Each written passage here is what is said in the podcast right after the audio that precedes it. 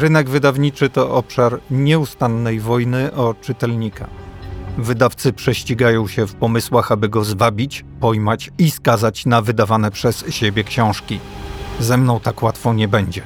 Nie jestem żołnierzem na żołdzie wydawnictwa. Nikt mi nie płaci za słodzenie, tak więc nie koloryzuję i nie podlizuję się. Nazywam rzeczy po imieniu, tak jak na to zasługują. Czytam i nie boję się o tym mówić. Zachęcam lub zniechęcam. Bukwan.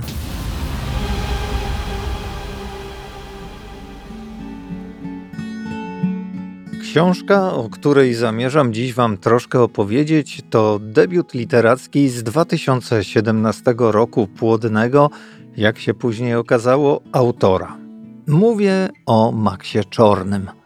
To młody, 32-letni zaledwie pisarz z solidnym wykształceniem prawniczym. Jako adwokat pracował w Polsce i we Włoszech. Jako pisarz należy do dwudziestki najlepiej zarabiających autorów w naszym kraju. Gdzie się nie obróciłem, tam słyszałem ochy i achy na temat jego pierwszej powieści Grzech, rozpoczynającej serię z komisarzem Deryło. Zachowałem, przyznam, za mało czujności, gdyż jak później sprawdziłem, te ochy i achy wydawały z siebie zazwyczaj panie recenzentki. I w sumie nic dziwnego. Czorny i ładny chłop jest. Nie każdy wszak może zarabiać jako twarz wulczanki czy prowadzić odcinki Opowiem ci o zbrodni w Polsacie.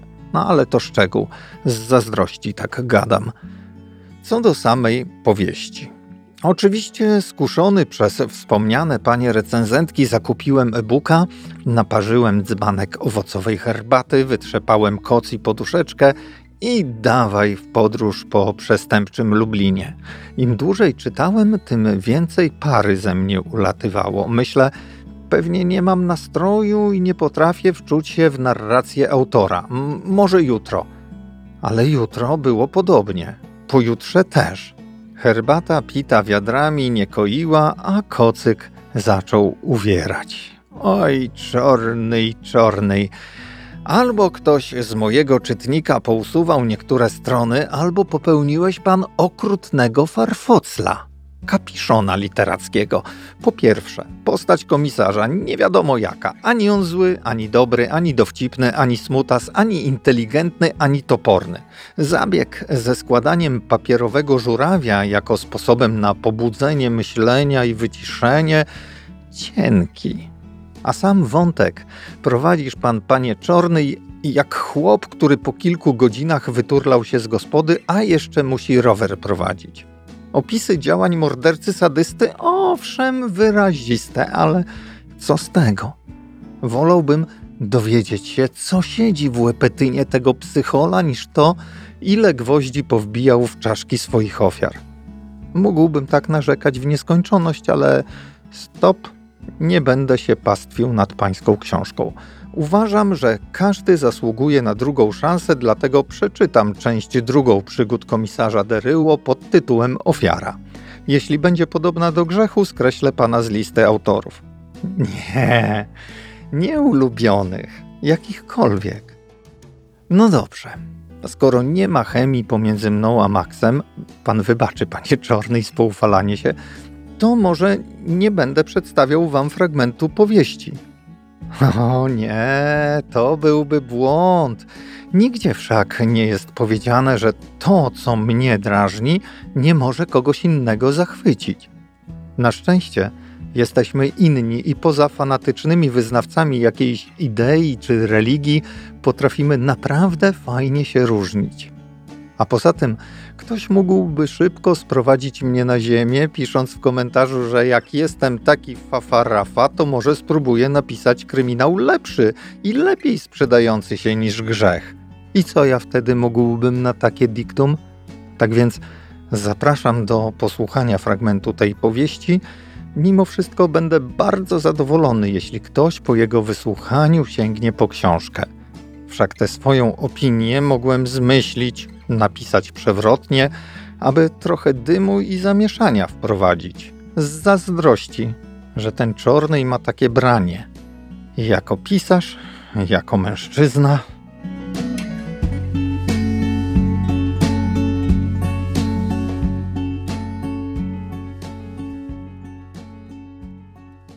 Max Czorny.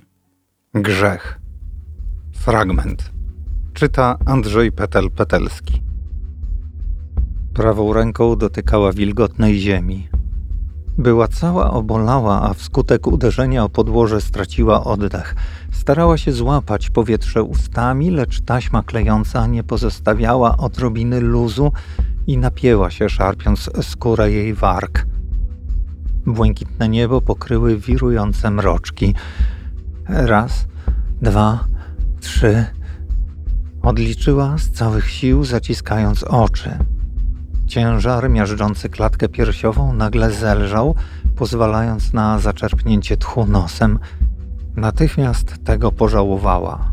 Mdły słodkawo-gorzki zapach wdarł się do jej płuc, osadzając się wcześniej w jamie nosowej i gardle.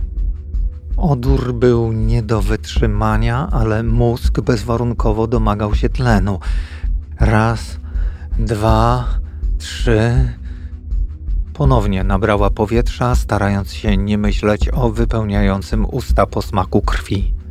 W ogóle nie czuła lewej ręki, a jej obie nogi pulsowały tępym bólem przebijającym spod całunu odrętwienia. Spojrzała w niebo. Jego kolor wyostrzył się, a mroczków ubyło. Chciała się zorientować, gdzie jest, choć każdy ruch gałki ocznej wywoływał przeszywające kłucie. Krawędź dołu była poznaczona kolejnymi uderzeniami szpadla. Zaschnięta, uklepana ziemia wskazywała, że został wykopany już jakiś czas temu – Instynktownie wyczuła, że po jej lewej stronie znajduje się pusta przestrzeń. Wysiłkiem wszystkich mięśni postanowiła się obrócić. Umęczone ciało ledwie drgnęło, wbijając się w oplatające je sznury i na powrót znieruchomiało. Z rozognionych, nabrzmiałych od krwi powiek wypłynęły łzy. Spłynęły po korytarzach skóry i po chwili zmieszały się z kroplami brudnego potu. Raz, dwa, trzy. Tym razem próba przekręcenia się na bok była bardziej owocna. Przynajmniej poruszyła jedną nogą, a część pleców oderwała się od lodowatej ziemi. Wydała z siebie rozpaczliwy pisk zakończony harczeniem i łukaniem. Ciemne włosy przylepiły się do jej karku, wywołując nie łaskotanie, ale przeszywający dreszcz. Krew, która spływała z czoła, osiadła na starannie przystrzyżonych brwiach, rozpływając się na obie strony twarzy. Każda linia wyciętego skalpelem pentagramu pulsowała w zawrotnym rytmie uderzeń serca. Raz, dwa, trzy. Wyraźnie widziała rozpościerające się szeroko niebo, błękitne, bezchmurne, przyozdobione już tylko pojedynczymi plamkami mroczków. Pusta przestrzeń dawała nadzieję ucieczki. Musiała się jedynie odwrócić, a wtedy, wijąc się niczym wąż, popełznie w nieznaną stronę, wprost ku wolności, centymetr po centymetrze, choćby miało jej to zająć całą wieczność. Ta myśl, ocierająca się o najgłębsze pokłady łudy, natychmiast dodała jej sił. Zacisnęła zęby.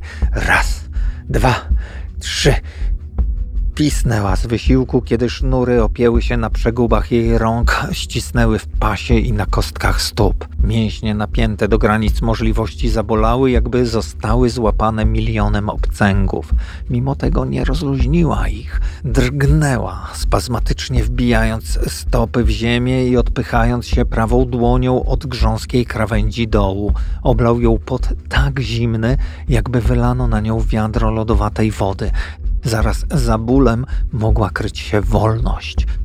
Taśma klejąca naprężyła się, wyrywając drobiny skóry z nabrzmiałych krwią warg. Jeszcze chwila i się uda. Paliły ją wszystkie organy wewnętrzne. Bezwiednie zacisnęła oczy.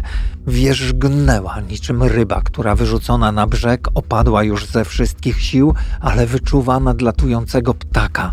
Ostatnia próba, ostatnie drgnienie życia. Wreszcie siła ciężkości zwyciężyła i ciało przekręciło się na bok. Nie do końca tak jak chciała. wygięte o niemal 180 stopni nadgarstki chrupnęły pod jej ciężarem. Mimo tego do jej mózgu napłynęła fala niepohamowanej radości. Czuła się, jakby właśnie udało się jej wydostać na zewnątrz i uciec. Wtedy otworzyła oczy. Zamarła. Nie znajdowała się ani w wąwozie, ani w pozwalającym marzyć o ucieczce wykopie. Rzeczywiście po jej lewej stronie było więcej miejsca, jednak tylko dlatego, że dół miał kształt sześcianu, a ona dotychczas leżała przy jego boku. Od przeciwległej krawędzi dzieliły ją co najwyżej dwa metry. Wszystkie nadzieje rozwiały się w ułamku sekundy. Ich miejsce zajęło przerażenie, dzikie, bezkresne przerażenie. Dopiero po chwili uświadomiła sobie, co widzi tuż przed sobą. Kilkadziesiąt centymetrów od jej twarzy leżało nagie ciało. Było sino czarne, monstrualnie opuchnięte, lepkie od przesiąkających przez popękaną skórę płynów. Na skrawku gnijącego mięsa, który dawniej był ramieniem, pełzały setki żółtych i białych larw. Jedynie zbrylone kępki krótkich, siwych włosów dawały wskazówkę co do płci zmarłego. Fetor ponownie wdarł się do świadomości kobiety i zapach rozkładu oblepił układ oddechowy. Jej oczy rozwarły się w panice. Od dawna przyspieszony oddech nabrał teraz tempa tłoków rozpędzonej lokomotywy. Poczuła, że razem z odorem wnętrze jej nosa oblepia gruby, trzeszczący piasek. Jeszcze raz wierzgnęła ze wszystkich sił. Kątem oka chciała spojrzeć w stronę nieba, ale niemalże całą przestrzeń nad domem wypełniła czyjaś sylwetka. Stojąca pod słońce postać wydała jej się ogromna, całkowicie czarna. Dopiero po chwili zobaczyła, że poza jej zarys wystaje nieregularny kształt przypominający o Boże. Tylko tyle zadudniło jej w głowie. Zamrugała. Szybko, nerwowo, o wiele razy za dużo niż było trzeba. Postać zrobiła kolejny krok w stronę wykopu, przez co wydała się jeszcze większa. Czyżby ktoś do niej dołączył? Kobieta rozpaczliwie pokręciła głową, dostrzegając, że nieokreślony dotąd kształt to wielka stalowa łopata. Nie opuszczaj mnie. Słowa wypowiedziane smutnym, wręcz błagalnym tonem przywróciły jej wspomnienia. Przypomniały o wszystkim, co się stało, nim straciła przytomność. Zastygła w bezruchu. Umarła, choć oddychała jeszcze przez chwilę. Jedynym bodźcem, który odebrały receptory jej ciała, była sypkość okrywającej ją ziemi. Kolejne grudy spadały coraz szybciej. Szufla za szuflą. Raz, dwa, trzy.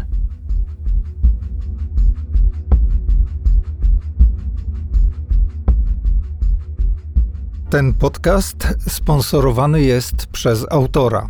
Z prostego powodu. Nikt inny się nie zgłosił.